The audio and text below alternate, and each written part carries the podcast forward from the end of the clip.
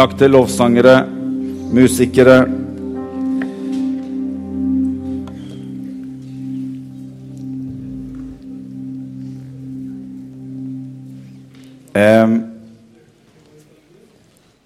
Dette, er, dette er del tre i noe som er kalt for 'Fra generasjon til generasjon'. Så jeg, jeg har fått litt mer lys over når Jesus sier dette med at uh, jeg, har enda jeg har enda mye jeg vil si dere, men dere, to, dere, kan ikke greie alt nå. Liksom. Det, nå, først nå begynte jeg liksom å få litt lys over det. For jeg kan ikke ta del fire. Det, det går ikke. Så vi, vi, vi slutter her med, med, med, del tre. Men jeg har enda mye jeg skulle ha sagt dere.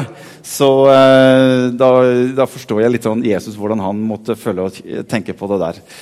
Eh, skal, jeg har mye jeg har lyst til å, å, dele med dere, så vi skal gå veldig raskt inn i det som, eh, som ligger meg på hjertet.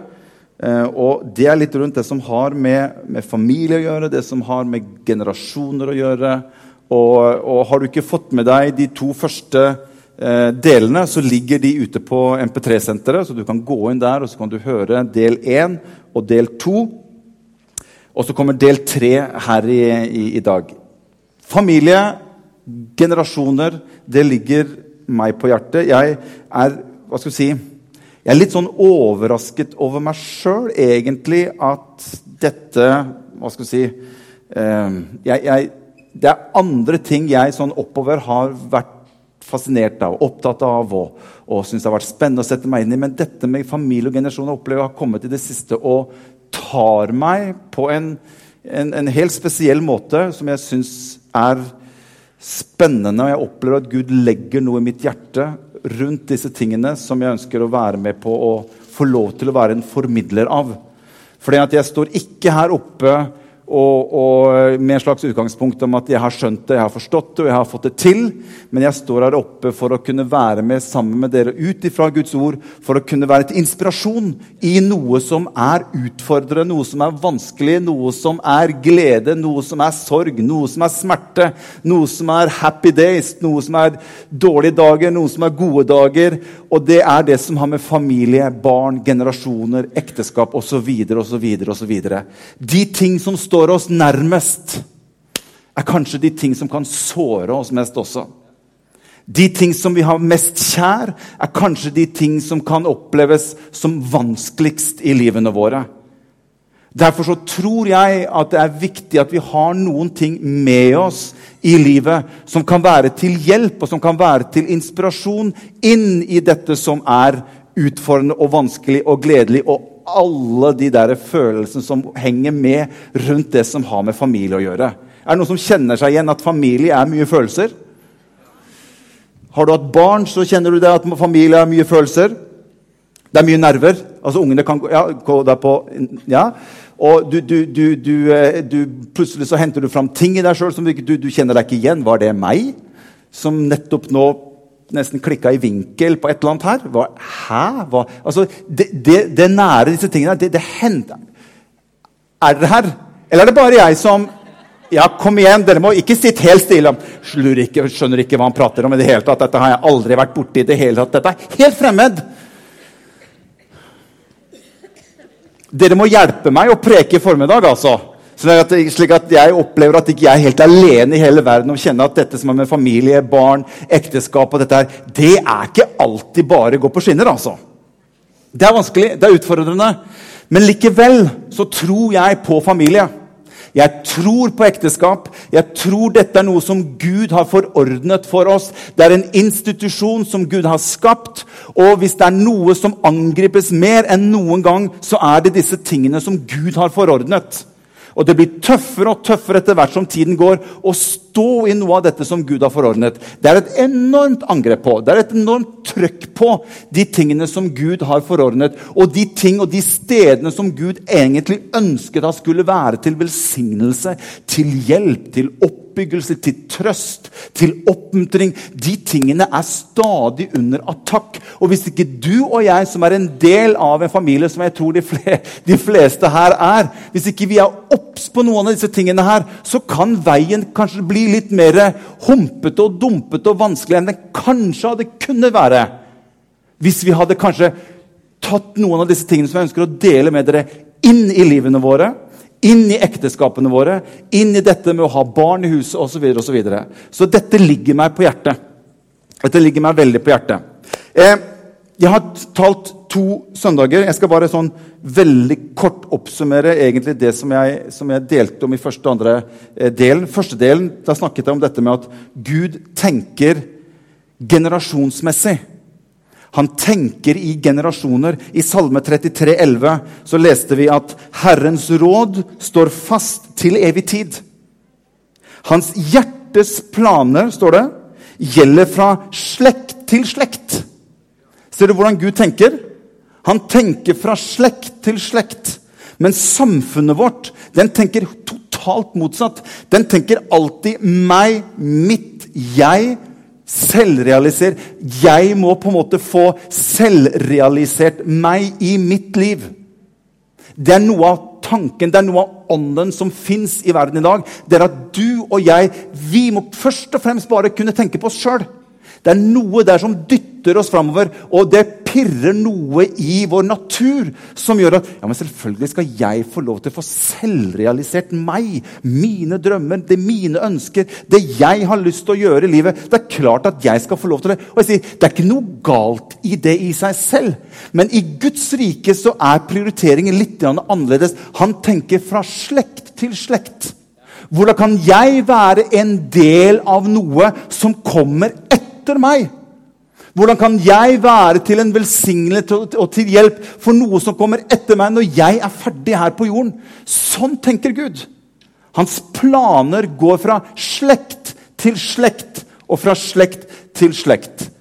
I fire deler, i tre deler så langt. da. Det blir kanskje en del fire eh, litt senere. Så jeg, Det snakket jeg litt om, om eh, i, i, i starten. Det er en kamp om våre familier. Og alle sa det er en kamp om våre familier i dag. Det er en enorm kamp om familien. Hvis det er noe den onde ønsker å gjøre, så er det å pulverisere alt som har med familie å gjøre. Isolere og pulverisere. Splitte generasjoner fra hverandre. Splitte ekteskap fra hverandre. Splitte familier slik at man ikke har noe felles, ikke har noe kontakt med hverandre. Og den ønsker bare å isolere individet men Gud har tenkt til at det skal være en enhet, en styrke, en kraft, en velsignelse for hverandre. Det er en kamp om familiene. Og Jeg skal lese til dere noe som står i Nehemaya, kapittel 4, vers 13. Har dere tid i formiddag? Bra. Ungen er borte. Da har vi god tid. Nehemja, kapittel 4, vers 13. Dette er når Hemja skal bygge opp murene. Og Jeg har ikke sett dette før for jeg leste det nå på den måten, men jeg så bare dette her er spennende. For det står det fra vers 13 i Nehemia kapittel 4. Der står det Derfor lot jeg folk stille seg opp bak de laveste stedene av muren. Der hvor de var sårbare, der hvor den onde kunne komme til. Ser du det? Det er det som står. Ved åpningene jeg stilte opp folket ut fra deres slekter med sverd, spyd og buer. Jeg så utover. Så gikk jeg fram og sa til de fornemme mennene, til forstanderne og til resten av folket, frykt ikke for dem. Husk på Herren, den store og fryktinngytende. Og så står det Se hva som står, hva de skulle tenke på når de skulle bygge og forsvare muren. Hva er det som står? Strid for deres brødre, deres sønner, deres døtre, deres koner og deres hus. Hva er det Nehemja ønsker at de skal gjøre? Han ønsker at de skal kjempe for familiene sine. Han ønsker at de skal stå opp og kjempe en kamp, slik at ikke den onde får kommet inn og ødelegge familiene. Det er jo det Nehemja sier her. Kjemp for deres brødre. Var, han sa ikke 'kjemp for muren'. Han sa 'kjemp for huset ditt'. Kjemp for brødrene dine, søstrene dine, kona di, mannen din. Kjemp for barna dine. Kjemp for familien din. Det er det Nehemia sier. Og så står det videre i vers 20.: På det stedet der dere hører lyden av basunen, der skal dere samle dere sammen med oss, og vår Gud skal stride for oss. Så det er som Nehemia sier, at hvis du kjemper for din familie, så skal Herren være med å hjelpe å stride for oss. Det virker som han har ønska at du og jeg skal ta litt tak og være oss bevisst det at jeg ønsker å kjempe for min familie. Og Da sier Nehemja at hvis vi kjemper for våre familier, så kommer Gud til å være med å stride for oss. For den onde ønsker å komme inn og lage bråk. Det står at den onde går rundt som en brølende løve. og Han står, han kommet for å stjele, han har kommet for å myrde og han har kommet for å ødelegge. Men Nehemja sier at hvis vi stiller oss opp og vi begynner å kjempe for det som tilhører oss, det som er ditt, det som er mitt, det som er det kjæreste vi har, som er familien vår Det er ingenting som er mer kjært for deg og meg enn vår familie. Uansett hvordan det står til. Uansett hvordan situasjonen din og min er i dag, så er det ingenting som er mer kjært for deg og meg enn familien vår. Og det er dette Nehemia sier. Strid for familien din. Gå en ekstra runde med kona di. Gå en ekstra runde med mannen. Kjemp for det som tilhører deg, som skal være en velsignelse for deg og ikke en forbannelse.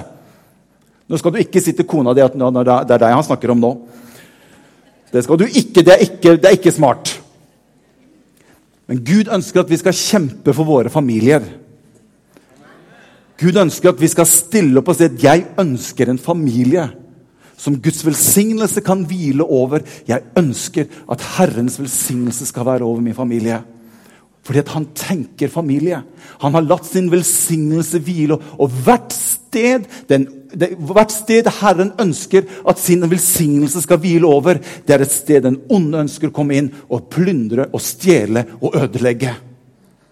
Og Hvis vi lar han bare komme inn For hvis vi, vi mister litt perspektiv på ting, vi, vi, blir, vi, blir, litt sånn likegyldige til ting, så vil den onde over til kunne greie å komme seg inn og begynne å stjele og myrde og ødelegge ting som er din og min eiendom, og som skal være til en velsignelse fra slekt og til slekt. Fra generasjon til generasjon. Og det er dette som ligger meg på hjertet.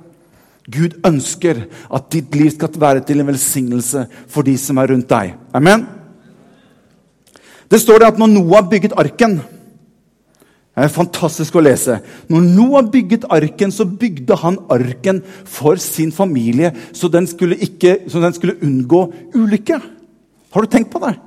Og Det står til og med veldig spesifisert at når arken var ferdig, så står det og Noah gikk ut for å sjekke at hele hans hus var på plass inne i båten.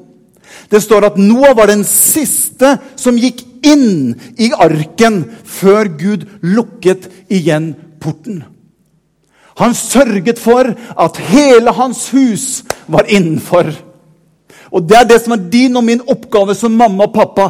Det er å gjøre alt vi kan som står i vår makt, til å sørge for at hele familien vår er inne i, i arken. At den er der hvor Gud ønsker at de skal være. Og du står Noah han var den åttende som gikk inn i arken etter at, eller før han lukket igjen porten.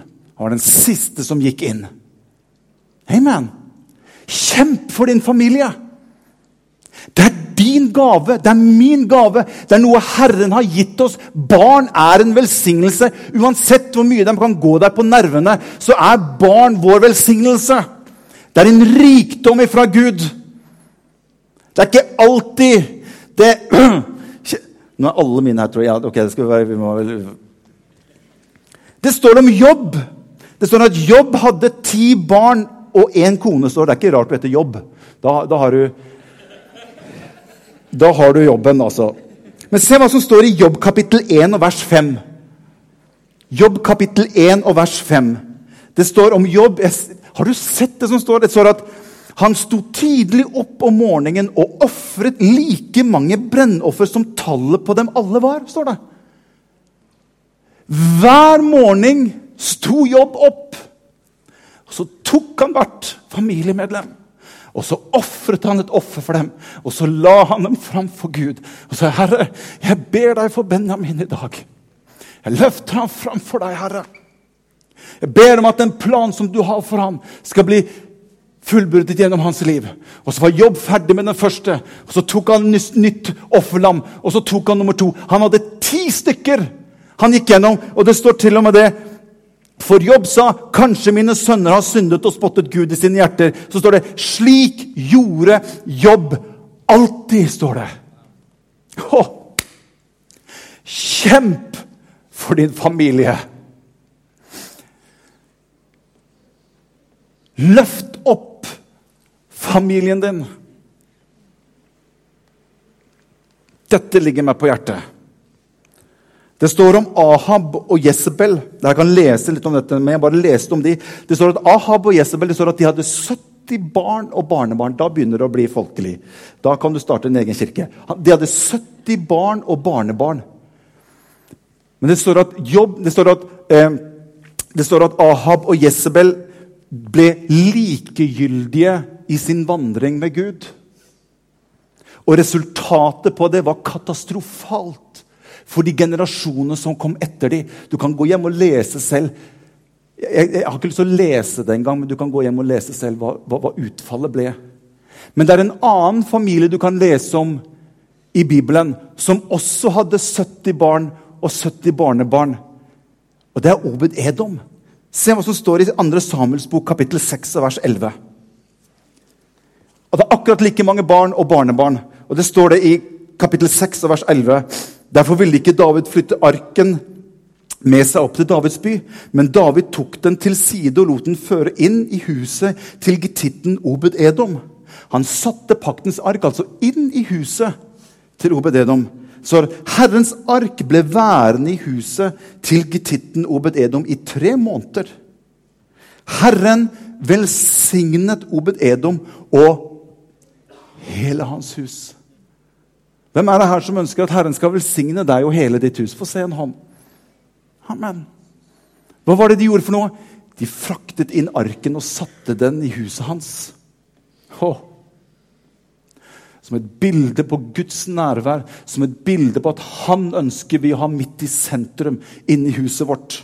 Herrens ark ble værende i huset til getitten Obed-Edom i tre måneder. Herren velsignet Obed-Edom og hele hans hus. Dette ble fortalt til kong David, og de sa, Herren har velsignet Obed-Edoms hus og alt som tilhører ham, på grunn av Guds ark. Vet du hva det står senere om? Det står at og alle barna hans og barnebarna hans arbeidet i tempelet for Herren, står det. Så tiden etter dette, fra generasjon til generasjon, så står det at alle hans barn og barnebarn ble aktiv med å være med å tjene i tempelet, står det. Fra generasjon til generasjon. Dette er viktig, dere. Jeg hørte en liten historie om en advokat Dette er noen år siden. Som fortalte dette selv. Han, de, bodde, de, bodde, ganske nært inntil sentrum, og så var det en liten pub i nærheten av der han bodde.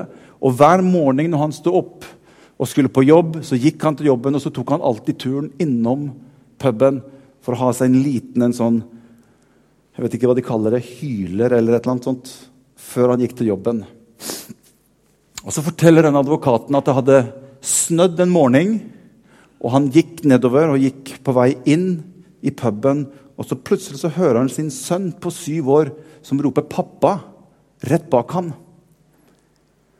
Og denne Advokaten snur seg og så ser han at sønnen hans hadde tatt på seg skoene sine, og så hadde han gått i fotsporene hans og fulgt han hele veien der hvor pappa gikk. Og så ser advokaten at jeg er i ferd med å lede mine fotspor rett inn i en pub. Og Han tok opp denne syv år gamle gutten og gikk hjem med ham. Og så Han gikk inn på soverommet sitt og falt ned ved senga si og sa, 'Gud, ikke la mitt liv lede barna mine denne veien.' 'Jeg ønsker at mine fottrinn skal få være at de kan gå i mine fottrinn,' 'og at det er deg de kan få lov til å oppleve og se i livene sine.' Det er det som er å være et forbilde for de som kommer etter oss.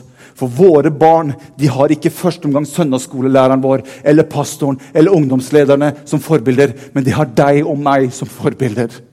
Hvor leder dine fottrinn hen? I ditt liv og i mitt liv. Når de kommer etter meg, Hvor leder vi dem hen? Jeg har Jeg tok med meg noe her i dag. Skal vi se om jeg kan finne det igjen her.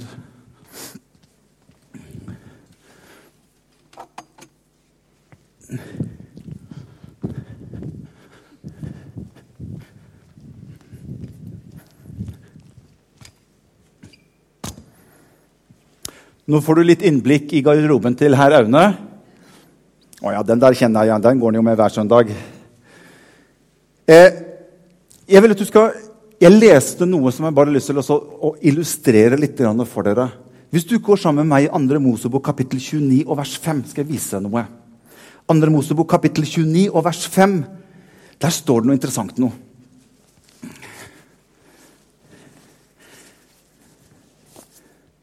Se hva som står. Det står fra vers 5 til 9 det står, Så skal du ta klærne og kle Aron Dette er Moses som får beskjed om. Så du skal ta klærne og kle Aron i underkjortelen og overkjortelen til efoden. Det er ikke det jeg har tenkt å gjøre nå. Dette er bare det som står i, som står i Bibelen. Efoden og brystduken og binde efoden rundt om ham med belte i kunstvevning til efoden. Du skal sette mitraen på hodet hans og feste det hellige diademet på mitraen. Og du skal ta salvingsoljen, helle den ut over hodet hans og salve ham. Så skal du komme fram med hans sønner og ha på dem underkjortlene. Du skal spenne beltene rundt dem, både Aron og hans sønner, og sette hodeplaggene på dem. Da skal prestedømmet være deres som en evig lov. Og så står det litt mer, så skal vi gå til der hvor det står i vers 29. Så står det de hellige klærne til Aron skal tilhøre hans sønner etter ham. Og de skal salves i dem og innvies i dem. Så Moses gir beskjed til Aron at de klærne du bruker i ditt liv, det vil gå i arv til dine sønner. Og da tenkte jeg ah, dette her er bra. For du skjønner, jeg tror noen ganger at livet vårt som kristne noen ganger kan bli mer ord enn det er livet vi lever. Det du har på deg, det du kler på deg, det har noe med min identitet å gjøre.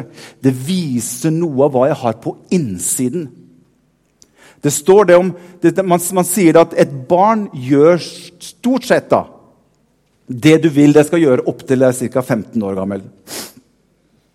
Etter det gjør det etter hvordan du har levd ditt liv. Og jeg har, jeg har, jeg har tre klesplagg her. Jeg selger ikke noe av dette her etterpå. Altså. Bare sånn at dere Loppemarked? Ja, som premie, da, tenker du på? Eh, se, jeg har, jeg har, tre jeg har, tre, jeg har skrevet her Vi overlever alltid det vi selv går med. Ikke det vi bare snakker om eller bekjenner. Noen ganger så tenker jeg at det som har med Guds rike å gjøre, det som har med gudslivet vårt, av og til blir bare klær som henger bare i garderobeskapet. Og så snakker vi om det, men det er ikke en del av mitt liv. Jeg bærer dem ikke på meg. Det å ha noe på seg reflekterer noe av hvem du og jeg er. Det har noe med din identitet, det har noe med hva som bor på innsiden av deg. Du ønsker selv å gå med det. Det viser noe mer og tre, Det er tre klesplagg som jeg bare helt kort ønsker å vise dere helt til slutt her i dag. Er du med? Og jeg har skrevet her 'Mamma og pappa'. har jeg skrevet her. Det er så viktig hvordan vi har disse klærne på oss her i livet. Det står i 2. Timoteus kapittel 1 vers 5. Skal finne en, her har vi en fin en, vet du.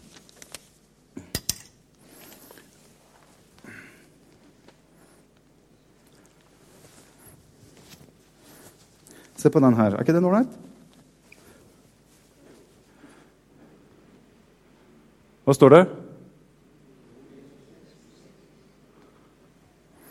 Du vet at det står, det står i 2. Timoteus kapittel 1 vers 5 det står at 'jeg har blitt minnet om' det her er Paulus som sier 'jeg har blitt minnet om den ekte troen som er i deg'. Den som først bodde i din mormor Louise, og i din mor Aunike. Og så står det Og jeg er overbevist at også den samme tro bor i deg. Her snakker Paulus om et liv, et Jesusliv og en tro som ikke jeg bare snakker om, men som er en del av livet mitt. Og jeg tror at gudslivet vårt må bli noe mer enn at jeg bare har en jakke i skapet mitt som heter tro. Men det må bli en del av det vi går med, for det er et bilde på hvordan det står til med det vi snakker om. For jeg greier ikke å formidle videre ord til min kommende generasjon. De må se at jeg selv går med det. Jeg selv må være ikledd et trosliv som gjør at når ting oppstår, så er det livet mitt som reflekterer noe til de som kommer etterpå. Ord vil du aldri kunne greie å overføre til en neste generasjon. Men hvordan har du og jeg disse plaggene på oss? Og Det er det du ser som står her med, med, Moses og Aron. For Gud sa til Moses at det er viktig at de klærne Aron hadde i sin tjeneste, i sitt liv med Gud, at de blir overført til hans sønner. Hvordan har du og jeg på oss dette som har med tro og Jesusliv Eller henger det bare som ord i klesskapet vårt?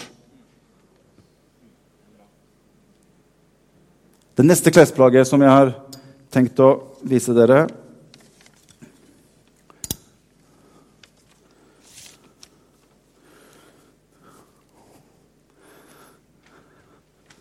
Dette er litt mer tricky. Det var derfor jeg tenkte at denne, det er litt mer sånn, kan være litt vanskelig. Hva står det for noe? Verdier og prioriteringer.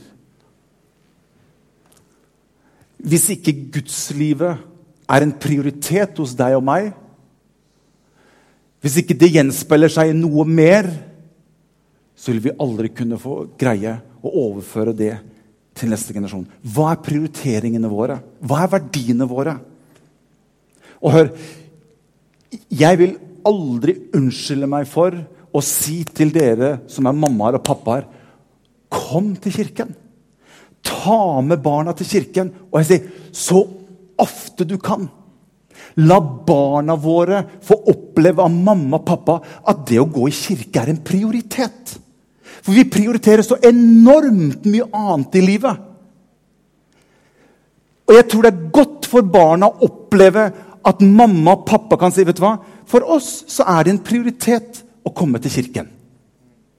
Men da nytter det ikke at det bare er ord, men de ser at vi lever et liv som gjør at prioriteringer og livet det står litt hånd i hånd. Hva er verdiene våre? Hva er prioriteringene våre? Og Jeg kommer til å være klinkende klar på at jeg tror at du skal ta med barna og Begynn mens de er små. Det er mye lettere å få ungene inn i et godt mønster fra de. De bare vet at på søndag skal de opp. Og det er ikke lille Josefine på 12 eller Thomas på 13 som bestemmer om vi skal gå i kirka på søndag eller ikke. Kjære mamma og pappa. Få da lille Josefine og Thomas opp. Kom an! Vi skal til kirke. Det er en prioritet. Det er ikke de, det er ikke barna våre som skal sette standarden i huset vårt. Det er jo mamma og. Det er jo vi som gjør det. Og du har full frihet og fullt lov til å være med å sette prioriteringer og verdier i ditt hus. Det er du som er mamma. Det er du som er pappa. Men hvis det bare blir ord hos deg og meg, så mister vi noe av kraften i det. Barna våre må se at dette er noe som mamma og pappa lever. Det er ikke bare et plagg som henger inni, inni i klesskapet, men det er en virkelighet i livet deres. Det står til og med det. Jeg elsker jo det skriftstedet, jeg, ja, da. Hebreerne 10,25.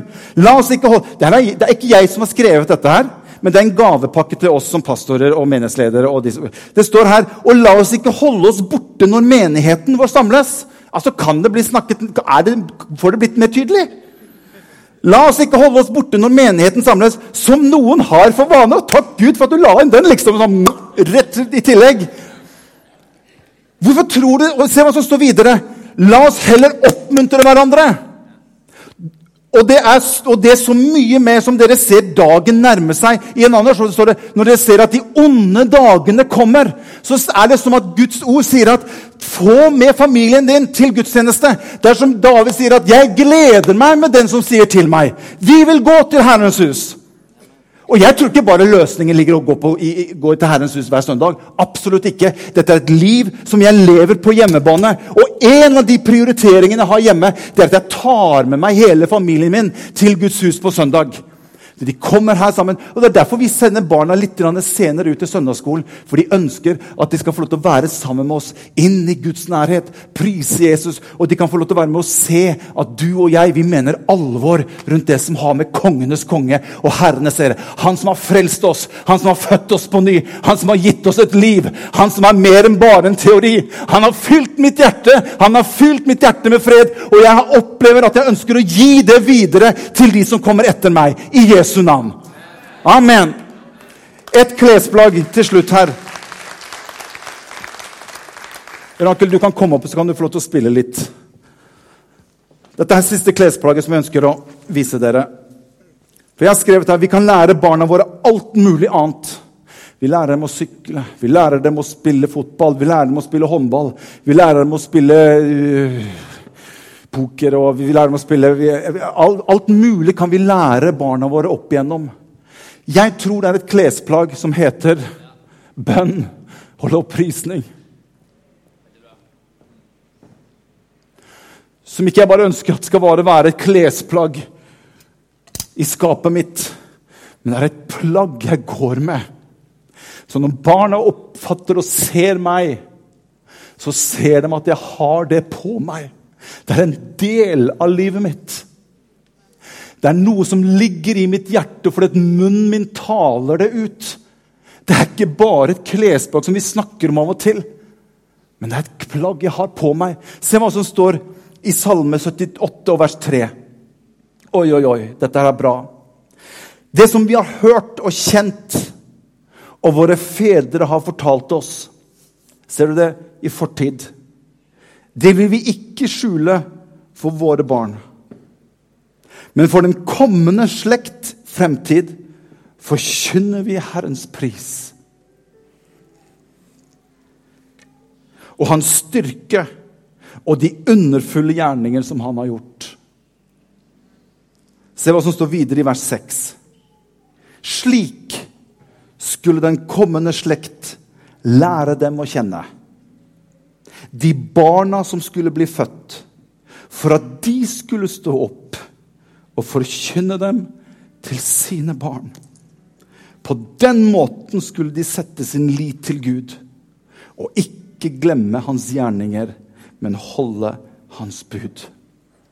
Hvis ikke bønn, lovprisning og tilbedelse er et plagg som jeg har på meg i mitt liv, så kan ikke vi regne med at barna våre skal plukke det opp på veien videre. Og Jeg vil si noe til dere som er foreldre, dere som er mamma og pappa. La barnet ditt se at du er engasjert mot din frelser og din skaper. Du som er mamma. La døtrene dine, la sønnene dine se at du elsker Jesus. La dem få lov til å høre noen ganger at det kommer noe ut av din munn fordi at du har plagget på deg. Og det mitt hjerte er fylt av, hva står det? Det taler munnen min over med. At de kan få lov til å se deg og meg på en søndag litt hengiven mot min frelser. At de kan si at nå skal jeg ikke forstyrre mamma så mye, for nå står hun og så tilber hun Jesus er ikke bare opptatt av å oppdatere Facebooken eller følge med på mobilen sin. Men jeg ser at når pappa Så sa jeg dette betyr mye for ham. Jeg ser han lever et liv. Jeg oppfatter at dette er viktig for ham. Jeg opplever at dette er noe mer enn bare ord. Dette er et plagg han har på seg. Og jeg ønsker å plukke opp det plagget for min egen del. Og så ønsker jeg at mine barn som kommer etter meg, skal få lov til å ta noe av det samme og føre det. Og på denne måten så står det, så skal det kunne gå ifra slekt og til slekt. Og hans velsignelse kan strømme. Skal vi reise oss opp alle sammen? Halleluja. Og Jeg vil si en ting rundt det som har med lovprisning og tilbedelse å gjøre. Det har ingenting med stil å gjøre. Men det har bare noe med et inntrykk du gir til de som kommer etter deg. De bare oppfatter at du har et plagg på deg som du bærer, ikke som du snakker om. Og Jeg vil at vi skal stå litt i Guds nærhet akkurat nå. Jeg vil at Vi skal lukke våre øyne og fokusere litt. Så jeg har lyst til å si hvordan bærer du og jeg Jeg kunne tatt mange mange plagg. Jeg har flere andre plagg her også. De var litt mørkere. Men det kan også være ting i hjemmene våre som hjemmene våre kanskje fylles mer av. Som ikke er så bra. Kanskje vi burde være litt mer obs på at vi bærer disse plaggene som skal være til velsignelse for den neste generasjon. Og Jeg har lyst til å si til oss alle sammen, meg, deg Hvordan bærer vi disse plaggene i livene våre? Jeg vil bare at du skal ta en liten stund innenfor Gud. Bare stå litt i hans nærhet. Og sier du, 'Herre, hjelp meg' til at jeg kan få lov til å bære disse plaggene istedenfor at de bare blir ord i hjemmene våre. Og vit det, mamma og pappa. Det er du og jeg som er forbildene til barna våre. Det er hvordan du og jeg er, og hvordan vi kler oss med dette, som kommer til å være det hvor sønnene og døtrene våre kommer til å ta etter. Far, jeg takker deg. Du ser alle som er her, som er representert her. Du kjenner våre liv. Du kjenner våre omstendigheter, du kjenner vår bakgrunn, du kjenner vår utfordring. Du, du, ser alt, Herre. Du ser det er ekteskap her som sliter, som har det vanskelig, som har det tungt. Jeg vil bare si til deg, du som er mann og du som er kvinne, kjemp for ekteskapet ditt. Ikke gi slipp på han. Ikke gi slipp på henne for all del. Gud har mulighet til å hjelpe oss alle sammen, og til å gjenopprette, til å velsigne. Jeg vil også si til dere som har opplevd vanskelige ting rundt ekteskap Gud er ikke ferdig med deg. Gud er ikke ferdig med ditt liv. Han ønsker å ta deg med videre, og han ønsker å velsigne deg videre. Og til å gjøre deg til en velsignelse for dine omgivelser, eventuelt for dine barn osv. Ikke se deg tilbake, men se fremover. Og la Herren få lov til å være din framtid og ditt håp. Halleluja. Til oss som opplever at vi ikke har greid å få barna helt med oss på den måten som vi kunne ha tenkt opp og, og ønsket. Ikke gi opp. Fortsett å be. Kjemp for dine barn. Som Nehemaya sa. Still dere opp og kjemp for dine brødre, kjemp for dine sønner, kjemp for dine barn. Halleluja. Gud skal være med oss. Far, jeg ønsker bare å velsigne alle som er her i formiddag. Jeg ber deg, Herre, at du skal hjelpe oss i de livene vi lever, Herre. Jeg ber om at din tro, din fred som overgår all forstand, skal fylle hjemmene våre på en sterk måte. Slik at din ark, din atmosfære, er en del av hjemmene våre. Og din velsignelse kan gå ifra slekt og til slekt. Ifra generasjon og til generasjon. Og alt folket sa amen. Amen. Takk skal dere ha, alle sammen. Vi synger en sang her, alle sammen.